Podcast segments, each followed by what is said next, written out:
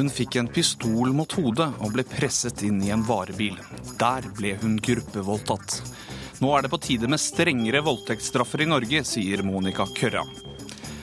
Politiet rykket ut på tolv minutter da de fikk tips om folk som plukker fleinsopp. Man kommer aldri til å få stoppet fleinsoppen fra å vokse i Norge. Og dermed vil det alltid være noen som plukker, spiser. Ukeslutt har vært på sopptur med erfaren bruker. Og russer mener TV-serien Okkupert spiller på nordmenns frykt for nabolandet. Det var aldri meningen å henge ut Russland, svarer Jo Nesbø. Hei og velkommen til ukeslutt i NRK P1 og P2. Jeg heter Sjan Erik Bjørnskau og skal være sammen med deg den neste timen. Og først spoler vi tiden tilbake seks år. Kaldt metall ble presset mot høyresiden av hodet mitt. Av en eller annen grunn skjønte jeg at det var en pistol. Jeg frøs til og kjente hender som grep rundt armene mine og rundt halsen. Ordene er dine, Monica Køra, og handler om en vinterdag i 2009 da du ble dratt inn i en varebil. Hva var det som skjedde? Det stemmer. Eh, desember 2009. Jeg studerte ved et universitet i Dallas, Texas. En kveld så dro jeg og to av venninnene mine ut på en studentfest. Vi hadde en venn som, som kjørte oss, og som kom og henta oss etter vi hadde vært der i et par timer. Vi så bilen hans og sto parkert rett utafor leiligheta. Eh, vi gikk mot bilen, men jeg kom aldri så langt som inn i bilen hans den natta. Før jeg visste ordet av det, så kom det en annen bil, parkerte rett ved siden av, hørte masse skriking. Plutselig hadde jeg noen som grep meg bakfra, og jeg hadde en pistol mot hodet. Jeg ble dratt inn i en bil, skjønte veldig fort hva det var som var i ferd med å skje. Innen det hadde gått fem sekunder, så hadde de dratt av meg kjolen, undertøyet, alle mm, smykker jeg hadde på meg. Og de starta overgrepet der og da. Det var eh, tre menn. De voldtok meg én av gangen, to av gangen, tre av gangen. Dette skjedde altså i USA, der du studerte. Voldtektsmennene fikk eh, strenge straffer. To fikk eh, livstid, én fikk 25 år. Hvorfor var det viktig for deg at de fikk høye straffer? Nei, det var jo helt klart avgjørende for at jeg skulle finne tilbake til et normalt liv.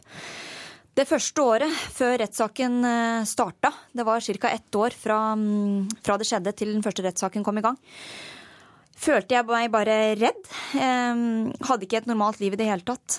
Etter de fikk den straffen, så følte jeg endelig at rettferdigheten seira. At jeg kunne leve et normalt, trygt liv igjen. At jeg kunne gå ut og ha et normalt liv, rett og slett. Ja. Og det har du kjempet hardt for. Du har også møtt en av de som eh, voldtok deg. Hvorfor eh, gjorde du det? Det stemmer. Eh, det var veldig viktig for meg å prøve å forstå bakgrunnen for at de gjorde det her. Hva, hva, er det de har vært gjennom i livet sitt som gjør at de kan begå en så grov kriminell handling? Så det var veldig viktig for meg å, å prøve å forstå.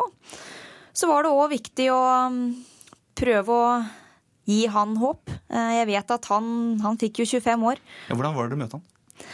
Det, det var tøft, det var det, men det var òg veldig godt. Altså, vi satt og snakka i to timer. Eh, jeg fikk svar på mange spørsmål. Og det var veldig godt å kjenne på at han satt der og var nervøs. Han gråt. Jeg var den som hadde kontrollen og hadde fått tilbake et normalt liv. Mens han visste jo at han skulle sitte i fengsel i mange, mange år. Så han måtte innse, og jeg, jeg tvang ham til å si de orda, at han hadde voldtatt meg. Han slet med det i lang tid, men jeg sa det om og om igjen. Du må si det. Du må innse hva du har gjort. For det er da du kan forandre deg. Mm. Du vil ha høyere voldtektsstraffer i Norge. Hvorfor det? Ja, helt, helt, klart. Det vil jeg. Det, jeg bare tenker på meg sjøl. Det året jeg levde, før jeg visste hvordan straff de her kom til å få, hvor langt og vondt det året var.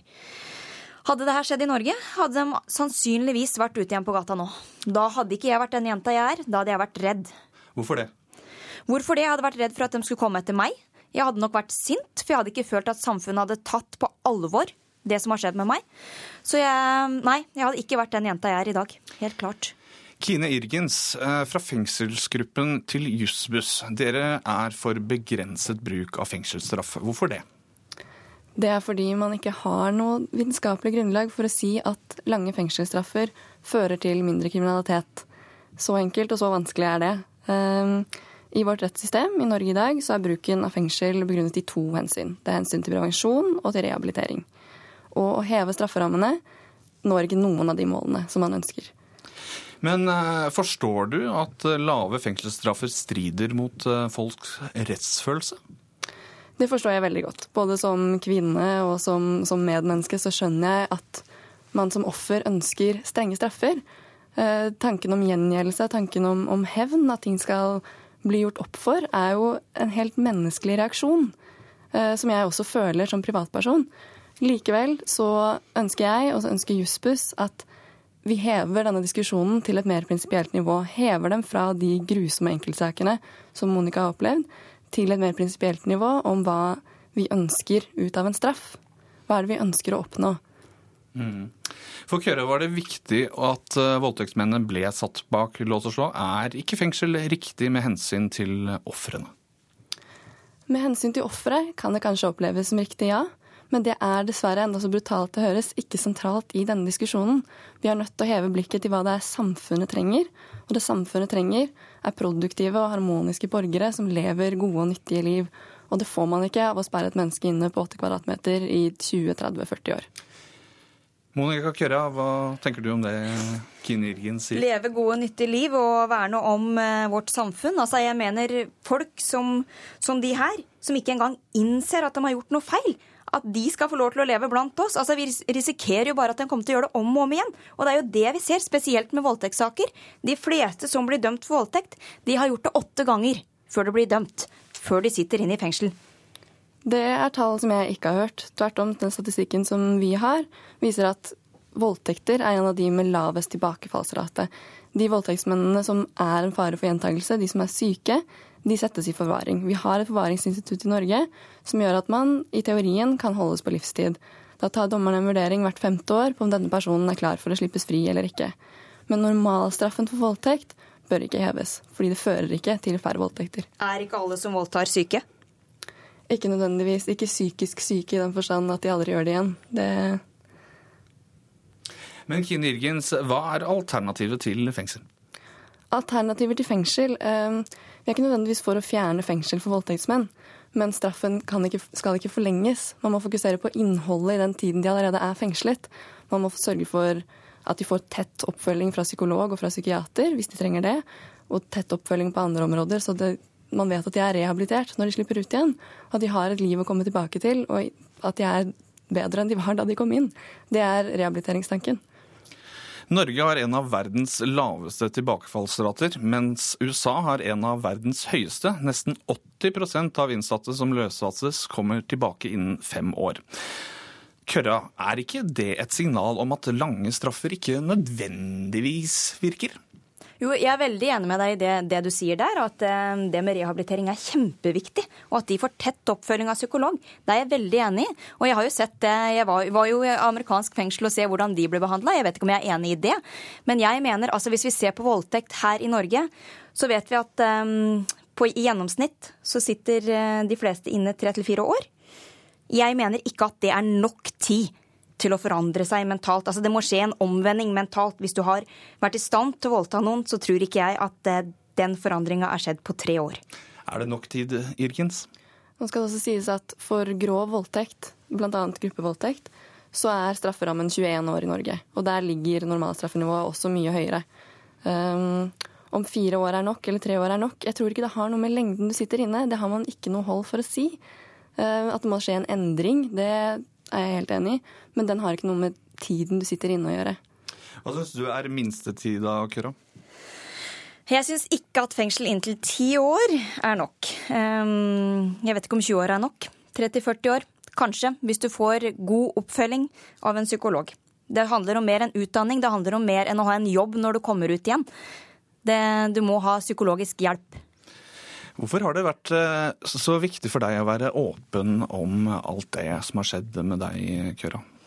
Nei, Jeg syns det er um, veldig viktig at vi får en åpenhet rundt det med voldtekt i samfunnet generelt. At vi tør å snakke, snakke høyt om det. At det skjer i samfunnet.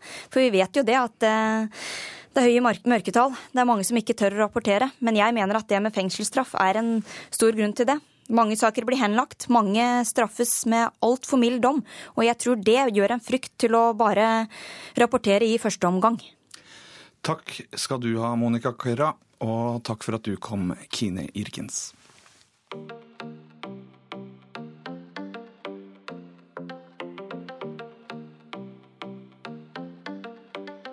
I live my day as if it was the last. Live my day as if was no past. Doing it all night, all summer. Doing it the way I wanna. Yeah, I'ma dance my heart out till the dawn. But I won't be done when morning comes. Doing it all night, all summer. Gonna spend it like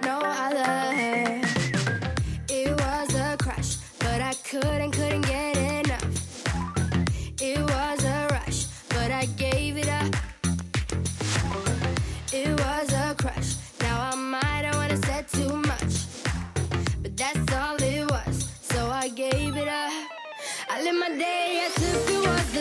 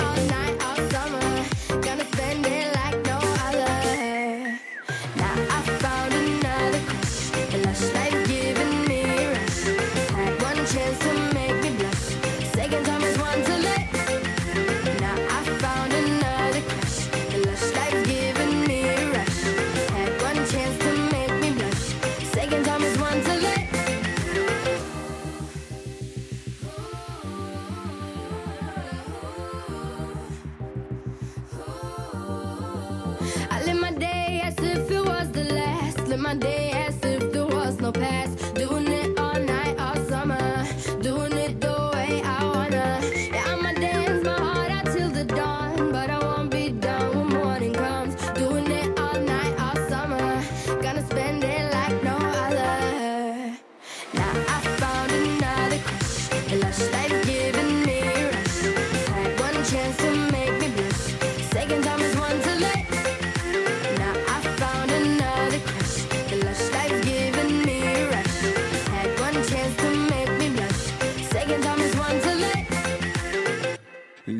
Life med Sara Larsson der, altså.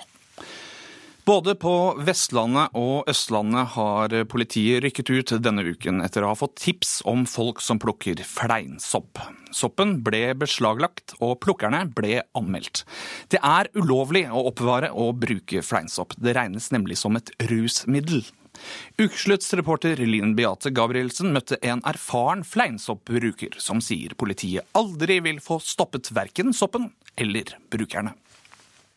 Jeg syns det er ganske håpløst. De kunne jo brukt de ressursene på noe annet. Man kommer aldri til å få stoppet fleinsoppen fra å vokse i Norge, i norsk natur.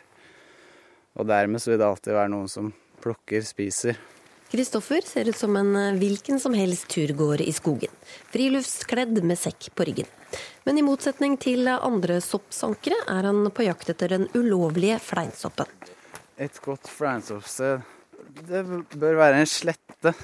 Eh, en seter ofte har jeg funnet perfekt. En gammel seter. Og det er jo veldig positivt. Veldig. Da beita sau der på sommeren og høsten. For eh, fleinsoppen er glad i sauedritt. Han vokser nemlig der. Men er det med fleinsopp som Altså Når du finner et bra sted, er det som når du finner et godt kantarellsted? Du sier ikke til noen andre? Ja. Du sier det kanskje til de gode vennene dine, men det er ikke noe du vil spre. Mens vi går et par kilometer lenger inn i skogen, kan Knut Hjelmeland, spesialist i klinisk farmakologi på Folkehelseinstituttet, fortelle hva fleinsopp egentlig er. Ja, Fleinsopp, eller eh, mer korrekt spiss fleinsopp, er da en sopp som inneholder virkestoffet psilocybin. Og Psilocybin finnes i en rekke sopparter, kanskje 100 stykk. Og psilocybin er et hallusinogen. Og Andre kjente hallusinogener er f.eks. LSD, og det er veldig lik virkning som LSD. En kan f.eks. Uh, eh, oppleve hallusinasjoner ved sterke former, sterke farger. En kan få følelsen av at man hører farger, eller man ser musikk. Vi får et innblikk i hvordan verden og hodet ditt er bygd opp visuelt. da, På en eller annen merkelig måte. Eh, men det er ikke sånn at du liksom plutselig ser en rosa kanin ikke sant, foran deg. Du får ikke hallusinasjoner sånn. Det som slår meg mest som en del av rusen, er det psykologiske aspektet. da. Hvis du har noe du, som ligger inni hodet ditt, noe du sliter med, noe du har tenkt på, eller rett og slett altså bare livet, så vil du få et nytt perspektiv på det. Og Det perspektivet kan være skremmende, det kan være fantastisk. Og det er forskjellig fra tur til tur. Her er det en løsning, vet du. En idyllisk, god, gammel norsk seter. Sånn som her hvor du ser sånne gresstusser som står opp her. Ja. Der vil det ofte vokse fleinsopp. De er ganske små, så man må, det er lurt å bøye ryggen litt og ta en ordentlig titt. Her har vi en. Ser du noe ganske karakteristisk i forhold til de andre? Ja. Lys på toppen, mørk nederst, spiss hatt. Og finner du en, så er det flere. Der, eksempel. Den var fin. Den lille soppen ser jo så tilforlatelig ut der den ligger nyplukket i en plastboks. Men hvor farlig er den egentlig? Vi kan si at selve virkestoffet stoffet psilocybin er ikke spesielt farlig i seg selv. Eh, og det er ikke kjent at man har noen stor risiko for å dø ved å inntak av eh, stoffet. Likevel så er det foreligger noen enkeltrapporter i litteraturen der man har sett vedvarende paranoia, altså forfølgelsesvanvidd, og man har sett hjerteinfarkt etter inntak. Videre så er jo rusen av eh, psilocybin kan jo være temmelig kraftig. Man kan ha Eh, vedvarende kraftige hallusinasjoner eh, som kan medføre farlig atferd for brukerne i seg selv.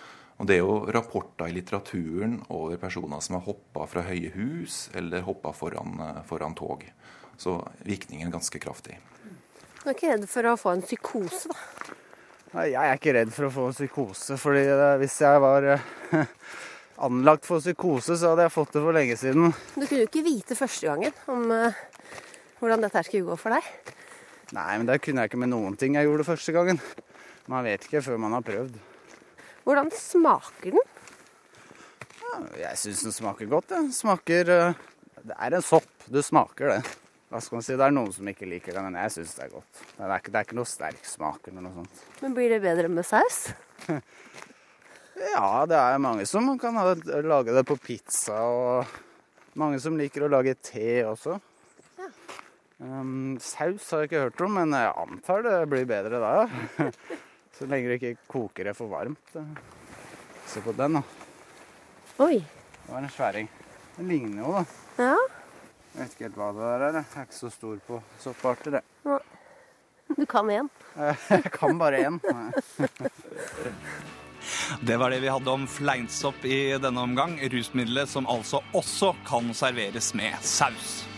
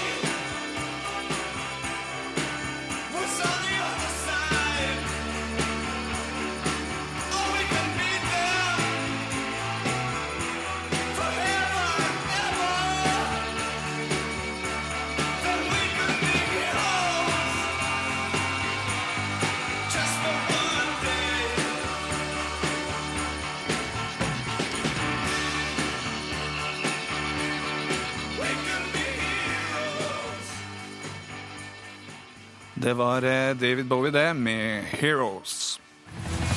I am speaking on behalf of the entire Union. Your gas and oil production will be restarted. The Russian government has kindly agreed to assist Norway. Men når skal trekke de seg ut av landet? Jobber du for russerne? De krysser grensen til fots.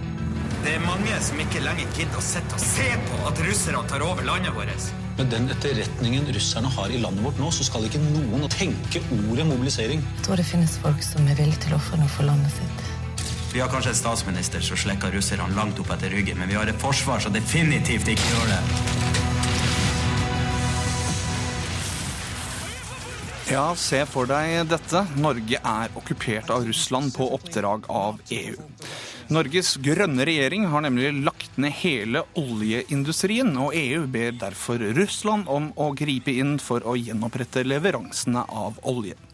Det er serien og TV 2s storsatsing Okkupert vi snakker om, og som du fikk høre litt av akkurat eh, nå.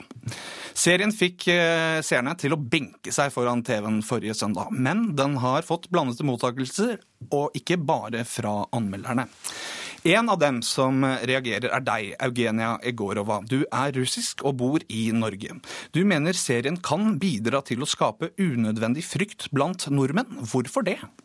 Eh, jo, fordi eh, det, det å spille på frukt og spille på eh, de unødvendige stereotyper. Eh, altså, det er mye lettere enn å konsentrere på det viktigste, som altså hvem er indre fienden. Og, og spesielt nå.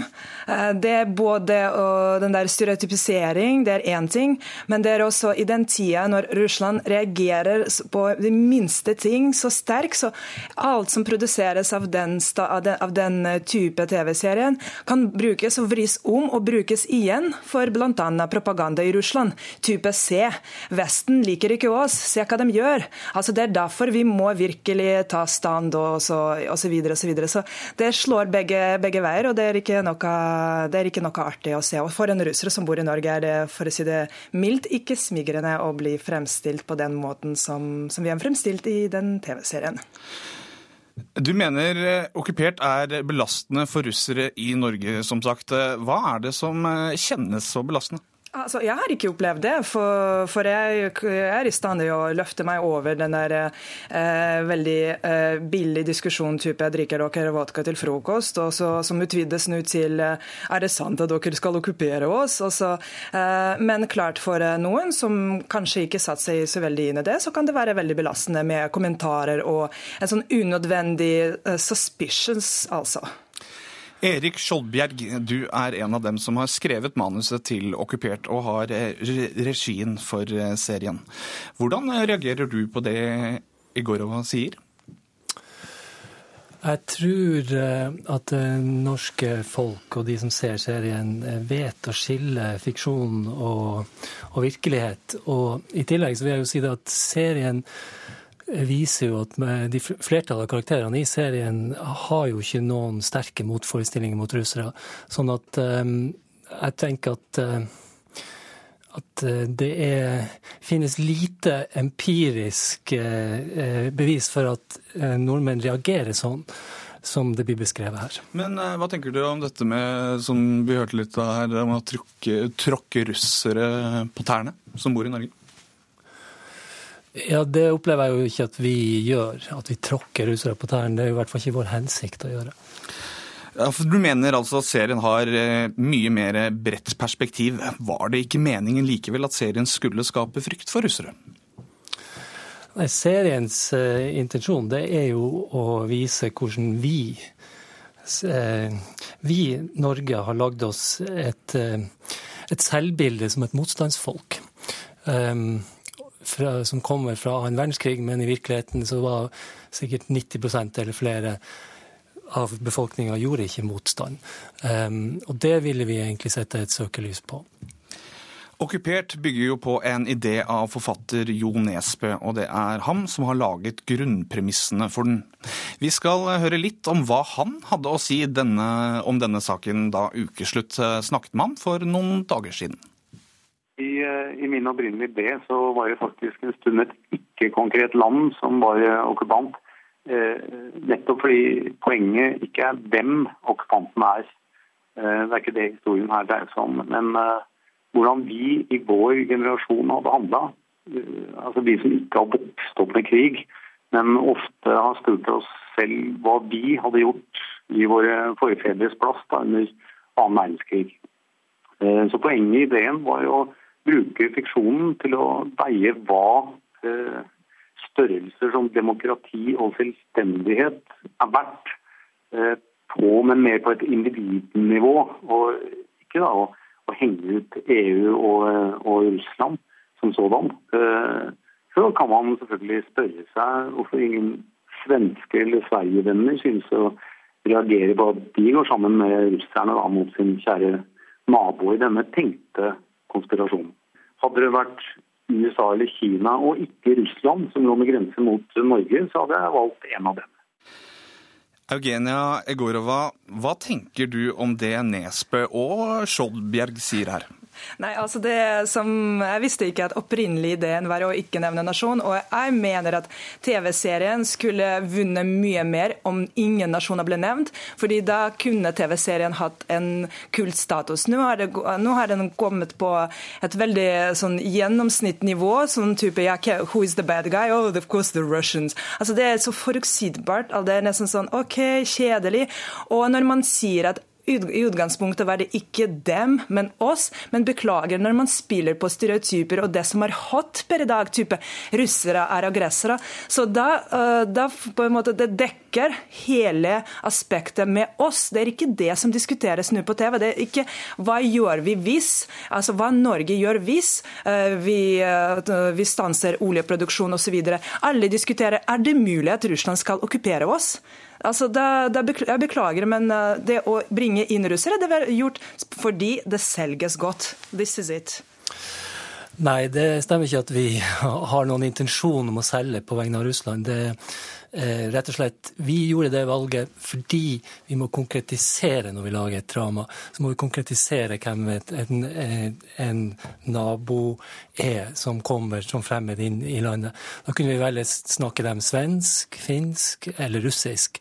Og da falt valget som det, som det gjorde. Men eh, det må jo sies at eh, det er jo slett ikke sånn at de er the bad guy. Det er jo avhengig av om man ser serien. Det, det er jo da man får et inntrykk av hvordan det her blir. Der kom en oppfordring. Takk for at dere var med. Du hører på Ukeslutt her i NRK P1 og P2. Om få timer står slaget mot Malta. Billettene er revet vekk, og forventningene er skyhøye. Det er kjempeflaut om vi taper, sier fotballblogger. Og dette er dagen for psykisk helse, men få tør å være åpne om, det de har vært inn, om at de har vært innlagt, forteller psykiater. Den norske Nobelkomité har bestemt at Nobels fredspris for 2015 skal tildeles den tunisiske kvartetten for nasjonal dialog. Det sa altså Nobelkomiteens leder Kaci Kullmann Five da hun kunngjorde hvem som får fredsprisen. Designer og moteskaper Nora Farah, du har eh, tunisisk far og har sterk tilknytning til landet. Velkommen til ukeslutt. Takk skal du ha. Hvordan reagerte du da du fikk vite hvem som hadde fått årets nobelpris? Oi, det kan man si. Jeg ble veldig positivt overrasket og veldig, veldig glad på vegne av det tunisiske folket. Det ble et flott at, at, flott at viktige organisasjoner i Tunisia skal motta Nobelsprisen. Og at det står sammen på tvers av synspunkter, kompetanser og holdninger. Ja, Hva betyr det for landet? Det betyr alt. Det er en fantastisk inspirasjonskilde. og det, det betyr at dialog bringer til positive resultater og satsing. Tross alt alle de uenigheter og alt det som er av uenigheter i Tunisia, bringer med seg noen resultater. Og veldig viktig budskap for andre land som er i lignende situasjoner. Fredsprisen gikk altså til den tunisiske kvartetten for nasjonal dialog. Hva slags organisasjoner er dette? Det er viktig å huske på at det er fire organisasjoner som, Mm, har, hatt, som, har, ja, riktig, som har fått prisen sammen. Eh, De representerer fagbevegelsen, arbeidsgiverne, menneskerettigheter og advokatene. Og de har samarbeidet tett siden 2013 og tatt ansvar. De symboliserer virkelig viljen til dialog til tross for de mange utfordringer Tunisia har hatt og har fortsatt. Faren for eh, konflikt i Tunisia er jo ikke over. Det er fremdeles en skjør situasjon i landet. På hvilken måte tror du at prisen kan inspirere til fredeligere forhold og demokrati? Det er et bevis. Prisen er et bevis på at eh, det hjelper å satse. eh, slik de har gjort, og det nytter å kjempe på en fredelig måte. Og samarbeid gir absolutt resultater. Hva slags reaksjoner har dere fått fra folk du kjenner som bor i Tunisia? De som bor i Tunisia er veldig stolte og føler at fredsprisen er gitt litt til de som bidrar til det nye Tunisia også, så de føler seg veldig involvert. Og de håper også oppmerksomhet til fredsprisen bringer kan hjelpe dem med sånn arbeidet med å gjøre Tunisia sikrere, tryggere og forbedre økonomien. Gjennom bl.a. å få eksporten og turismen eh, på bena igjen. Du har eh, vært eh, i Tunisia både før og etter revolusjonen. Hvordan merket du forskjell? Altså, Den første reaksjonen var veldig positivt, selvfølgelig. Men for min del så merket jeg ikke noen store endringer i det daglige.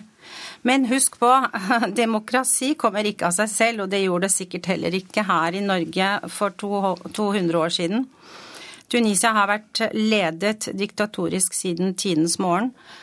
Og demokrati fører med seg større frihet, og ikke alltid benyttet, eh, benytter altså det på den positive måte. Da. Så det er ikke alltid så lett. eh, Og så påvirker det på mange vis mye positivt, men det gjør også at Tunisia er der man er, og er svært ung demokra demokrati med store, store utfordringer. Og, og, og utfordringene spesielt økonomisk og til dels politisk. Nora Farah, takk for at du kom. Takk skal du ha.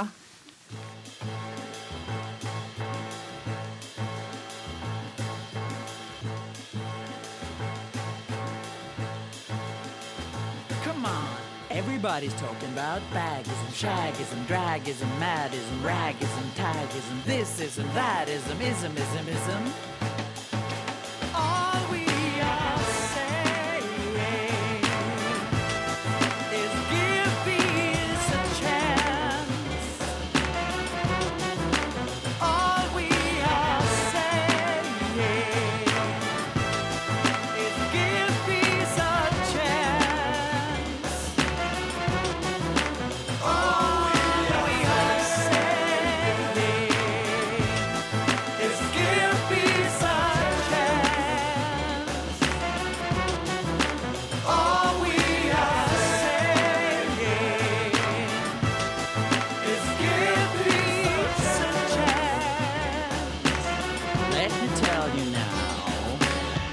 Everybody's talking about revolution, evolution, masturbation, flagellation, regulation, integration, mediation, United Nations. Congratulations!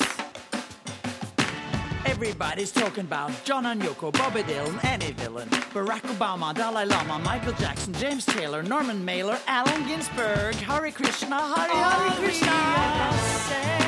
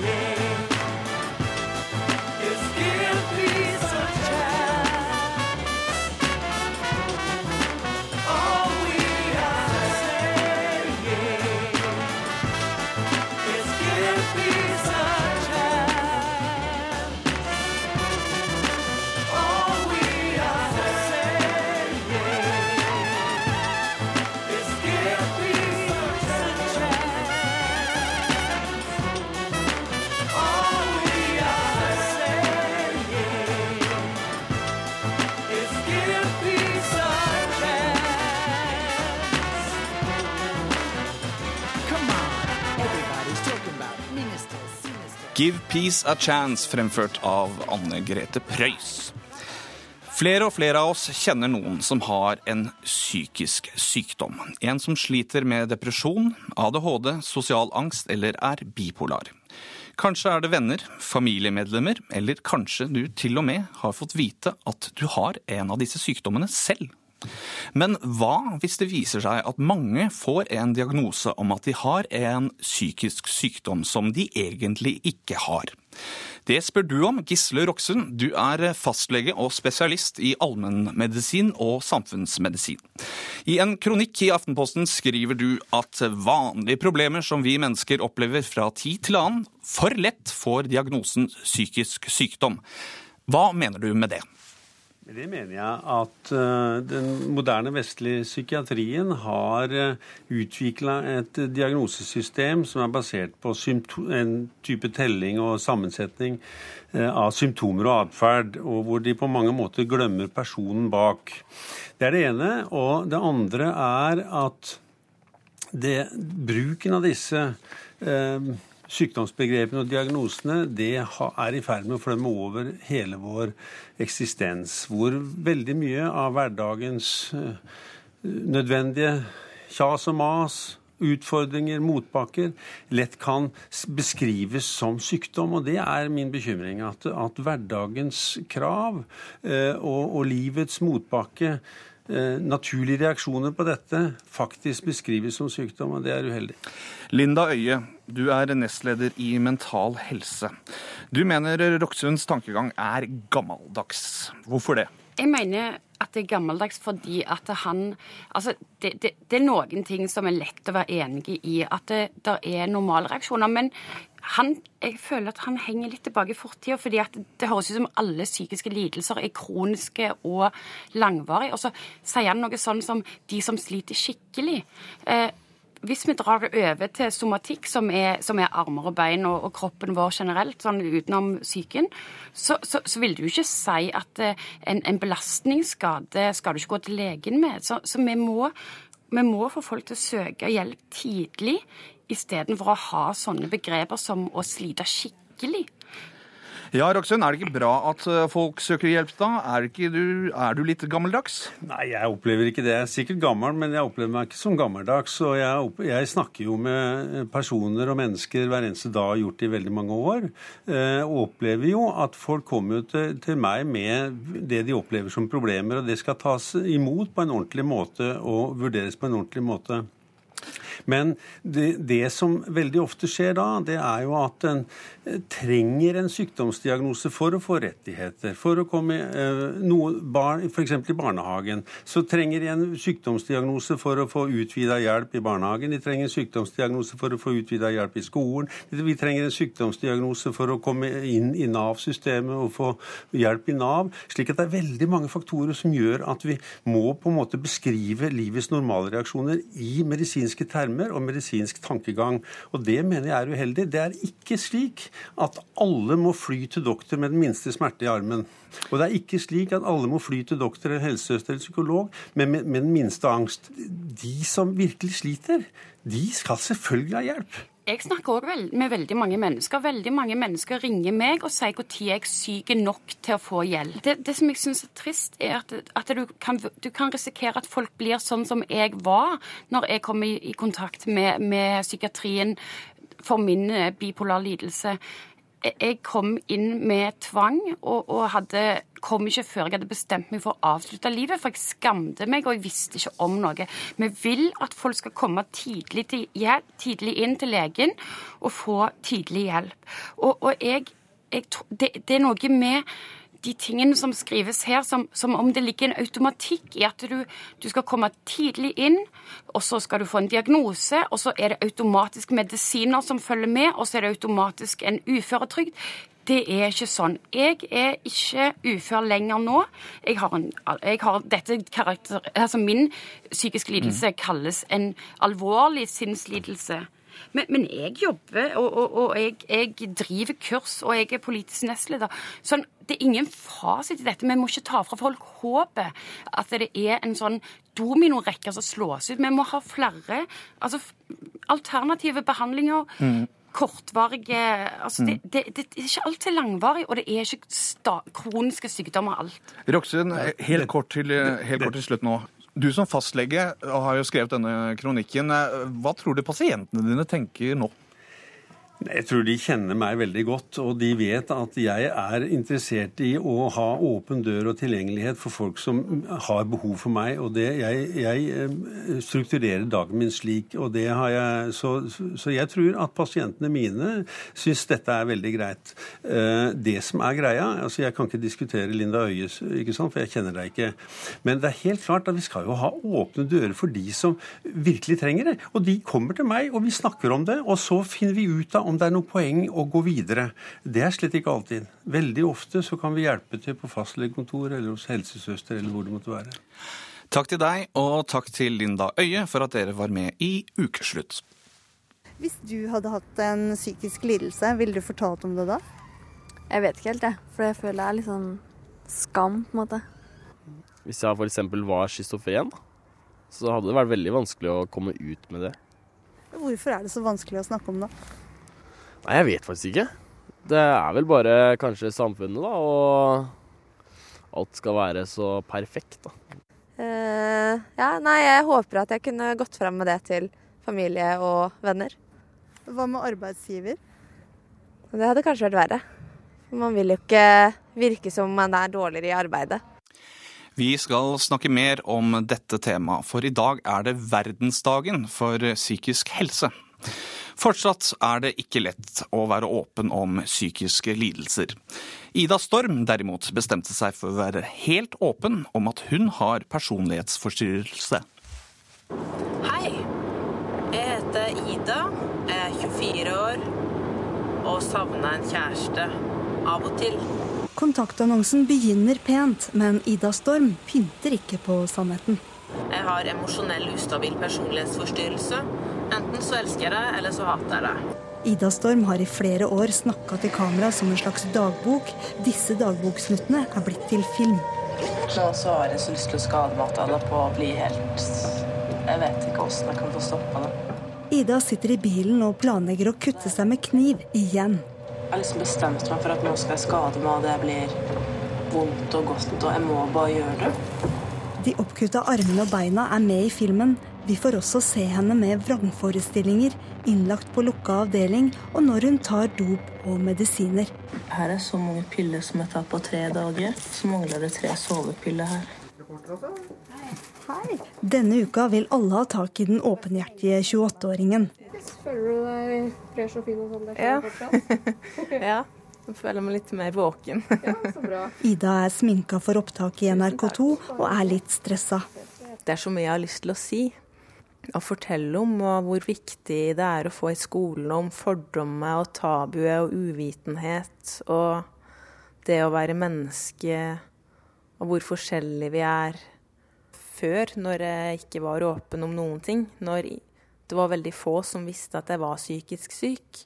Så var det sånn Ja, har dere Ida, vet du, hun er jo psykisk syk, og ergo hun har vært innlagt, og sånn som det ofte er i små byer. At det var liksom det Ida var. Og også at Ida var farlig. Husker du første gang du merka at du hadde problemer? Når jeg var ti år, da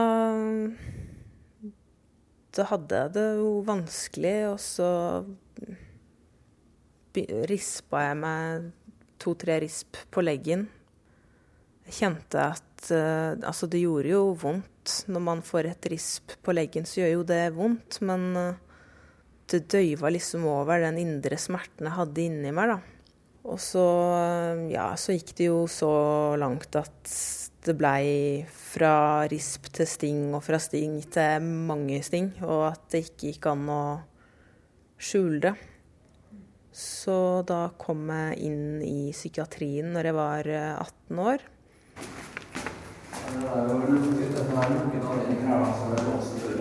Veggene og murtrappa er grå. Vi er på lukka avdeling i Lovisenberg sykehus i Oslo. Altså Når mange tenker på psykiatrisk behandling, så tenker man på belter, man tenker på reimer, man tenker på, på uh, hvitkledde pleiere. Man, eh, man har fantasier som handler om at man kommer inn eh, og får elektrosjokkbehandling, og man blir gitt injeksjoner, altså på sprøyter, medisiner. Uh, og på en måte det er det. Og at man luftes ute med rare hatter på hodet. Fred Arne Heggen er psykiater og litt lei fordommene mot psykiske lidelser. Jeg har jo opplevd at, at, eh, at pasienter kvier seg for å få en sykemelding fra psykiatrisk avdeling, fordi, nettopp fordi at det står at det er psykiatrisk avdeling, og at arbeidsgiverne vil kunne se det. Og jeg må innrømme at jeg har gitt råd til eh, enkelte pasienter, f.eks. i en studiesituasjon, kanskje å ikke eh, opplyse medstudenter om at man da har, en, har fått diagnosen schizofreni. Det er dessverre sånn at særlig den diagnosen schizofreni vekker en del irrasjonelle tanker hos, eh, hos mange. Hvis det hadde vært en reell åpenhet om psykiske lidelser, så ville det vært velkjent altså for folk flest at det er mennesker med alvorlige psykiske lidelser som fungerer meget bra i samfunnet. Når tror du vi kommer dit at eh, det er like greit å ha en psykisk lidelse som en eh, fysisk? Ja, Det er jo ikke godt å si. Eh, Jeg håper vi er der om ikke så altfor mange år. Men det er derfor viktig at, at de som føler seg sterke nok til det, er åpne om, om sine psykiske plager. Nå ligger jeg på gulvet på en psykiatrisk avdeling.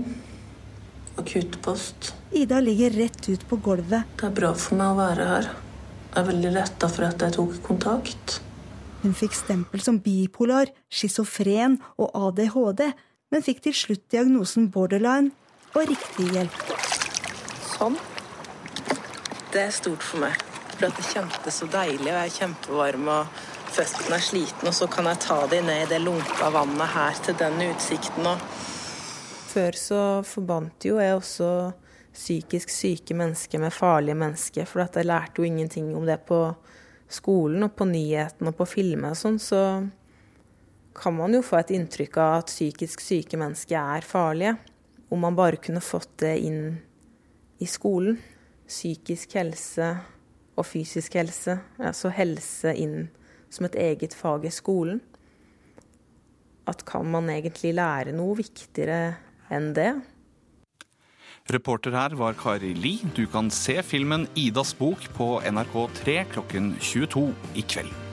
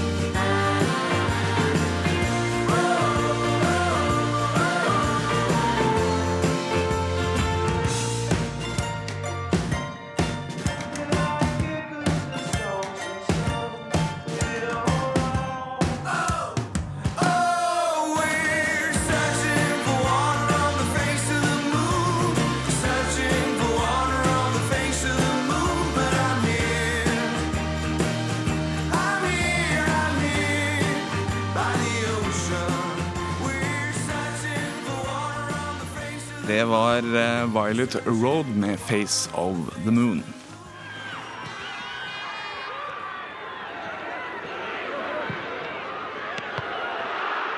Om få timer braker det løs på Ullevål stadion. Billettene har vært utsolgt lenge. Klokken 18 møter de norske fotballgutta Malta til EM-kvalifiseringskamp. Og med meg i studio har jeg deg, Mina Finstad Berg. Du er fotballblogger. Og sist, men slett ikke minst, Siri Nordby, tidligere spiller på kvinnelandslaget i fotball. Velkommen til dere. Takk. for det. Mange er spent, og det er ikke så rart, for her er det mye som eh, står på spill, eh, Nordby. Ja, det er det. Uh, plutselig så ble det litt sånn lys i tunnelen. Man trodde jo at dette løpet egentlig var kjørt, men nå har det liksom vist seg at det er en liten mulighet for å nå dette EM-sluttspillet likevel, og det hadde vært utrolig gøy. Så jeg er spent for i dag. Regner med at det blir en walkover og en enkel seier i dag, men eh, man vet aldri. Og så er det den Italia-kampen også til uka som blir ekstremt spennende. Som tidligere landslagsspiller, hvordan eh, tror du de norske gutta har det akkurat nå? Jeg tror de gleder seg. Det er jo utsolgt Ullevål, og det, bare det i seg selv tror jeg gjør at eh, det er litt ekstra nerver. Men eh, det er klart de tenker nok på at dette her eh, er en veldig, veldig viktig kamp, og at det begynner å så smått å tenke på hva som eh, kan være utfallet hvis dette her eh, går veien. Så jeg tror nok det er en spent gjeng som eh, gleder seg til å gå ut og vise Norge hva de har å by på. De kommer nok inn med ganske god selvtillit også etter de to foregående kampene, så det blir kult å se. Finstadberg, Malta har ikke vunnet noen kamper så langt i kvaliken og ligger nederst på listen i puljen og på 157. plass på Fifa-rankingen. Hvor flaut er det hvis Norge taper for Malta? Altså, det er jo ikke noe tvil om at Malta er et lag Norge skal slå, men på samme måte så er det egentlig ikke noe tvil om at Norge er et lag Kroatia skal slå. Eh, Så det er jo noe av det som er greia med fotballen, sant? at du veit jo aldri helt hva som skjer. Men det er klart at det norske landslaget må vinne den kampen her mot Malta. Vi har et mye, mye bedre lag enn Malta, og det er også helt avgjørende for at vi skal kunne komme oss til EM, enten som gruppetoer, som kanskje kan bli ganske vanskelig, eller gjennom en hard playoff, eh, eller kanskje beste treer, sjøl om vi ligger litt dårlig an der. Men du eh, har sagt jo at, at du mener, til oss at du mener at det er litt typisk at Norge faktisk taper en kamp som dette. Hvorfor syns du det? Nei, altså, det som er veldig typisk Norge, da, eh, tenker jeg, er at vi, vi, på en måte, vi har det i oss å ta poeng mot lag som Italia og Kroatia. Eh, men så er det en eller annen skikkelig skitkamp mot Aserbajdsjan eller Malta eller liksom Estland som ødelegger eh, sluttspillsjansene våre. Og det kan jo faktisk vise seg nå at det er den Aserbajdsjan-kampen hvor vi spilte uavgjort, som blir avgjørende. Hadde Norge slått Aserbajdsjan, så hadde vi vært i EM hvis vi hadde slått eh, Malta i kveld. Litt inne på det, men hvor gode er egentlig Malta? Ikke veldig gode. Eh, altså, jeg, jeg, skal ikke innrømme, jeg skal ikke påstå at jeg er noen ekspert på liksom, fotballen på Malta, eh, men det er jo ikke en nasjon som er kjent for å fostre gode fotballspillere. Og det er også et lag som er altså, det, er, det er et lag som er et av de beste blant de dårligste lagene i Europa. De er bedre enn San Marino og Andorra, på en måte, men, men det er liksom det de har å skilte med. da. Eh, hvis vi skal ta fram eh, spåkula, Siri Nordby, hvordan blir denne kampen? Eh, nei, det er som det blir sagt her, det er jo et lag som vi skal slå, og det tror jeg vi gjør. De har en såpass god pondus fra de tidligere kampene og kommer inn med god selvtillit. og jeg er ganske sikker på at vi kommer til å vinne den kampen her. Hvor mange mål det blir, det tror jeg har litt utfall i hvor tidlig vi får en scoring. Jo tidligere, jo bedre, selvfølgelig, for da tror jeg gutta senker skuldrene litt og spillet kommer til å flyte litt mer. Men øh, jeg tipper at det blir en 3-0-seier hvis jeg skal øh, se inn i den spåkula. Ja, jeg ser du nikker. Ja, jeg også faktisk tenkte på rundt 3-0 eh, for å liksom, eh, se på den forrige kampen vi hadde mot Malta. Eh, det jeg håper, er at vi får noen tidlige skåringer som gjør at eh, Høgmo kan slenge innpå noen unggutter som kanskje ikke har fått sjansen så mye så langt. Eh, for at de også får muligheten til å spille foran et fullsatt eh, Ullevål, og at Norge kan få enda flere nye unge helter på landslaget, som jeg tror er en av grunnene til at det kommer så mange på kamp nå. Takk skal dere ha for at dere kom, Mina Finstad Berg og Siri Nordby. For det er tid for et eh, værvarsel. Statsmeteorolog Mariann Foss. Ja, eh, det beste været blir i Møre og Romsdal og Sør-Trøndelag. Eh, Detaljene et høytrykk i Sør-Norge i stort sett rolig vindforhold fra sør og sørøst. Litt spredt regn i Agder og Telemark eh, i morgen søndag, ellers stort sett oppholdsvær. Gløtt av sol, eh, og som sagt i Møre og Romsdal og Sør-Trøndelag mye pent vær. En front eh, kommer inn over Nord-Norge. Det blir sørvestlig vind. Søndag økning til liten kuling på kysten mellom Støtt og Loppa. Det blir tilskyende litt regn i Nordland og sør i Troms, ellers opphold. Stedvis tåke i Finnmark, Øst-Finnmark og Finnmarksvidda slipper nok unna nedbøren, og der blir det relativt fint vær. På Spitsbergen eh, litt regn eller sludd, og sørlig vindfelt opp i frisk bris. Og temperaturer Tromsø har nå fem grader, Bergen har 13, Kristiansand 10 grader, og Oslo har 9 grader akkurat nå, da. Det var værmeldinga. Ja, det var ukeslutt eh, for denne gang. Ansvarlig for sendingen var Gry Veiby. Teknisk ansvarlig Hans Ole Hummelvold. Her i studio satt Sjan Erik Bjørnskau. Ha en fortsatt fin lørdag.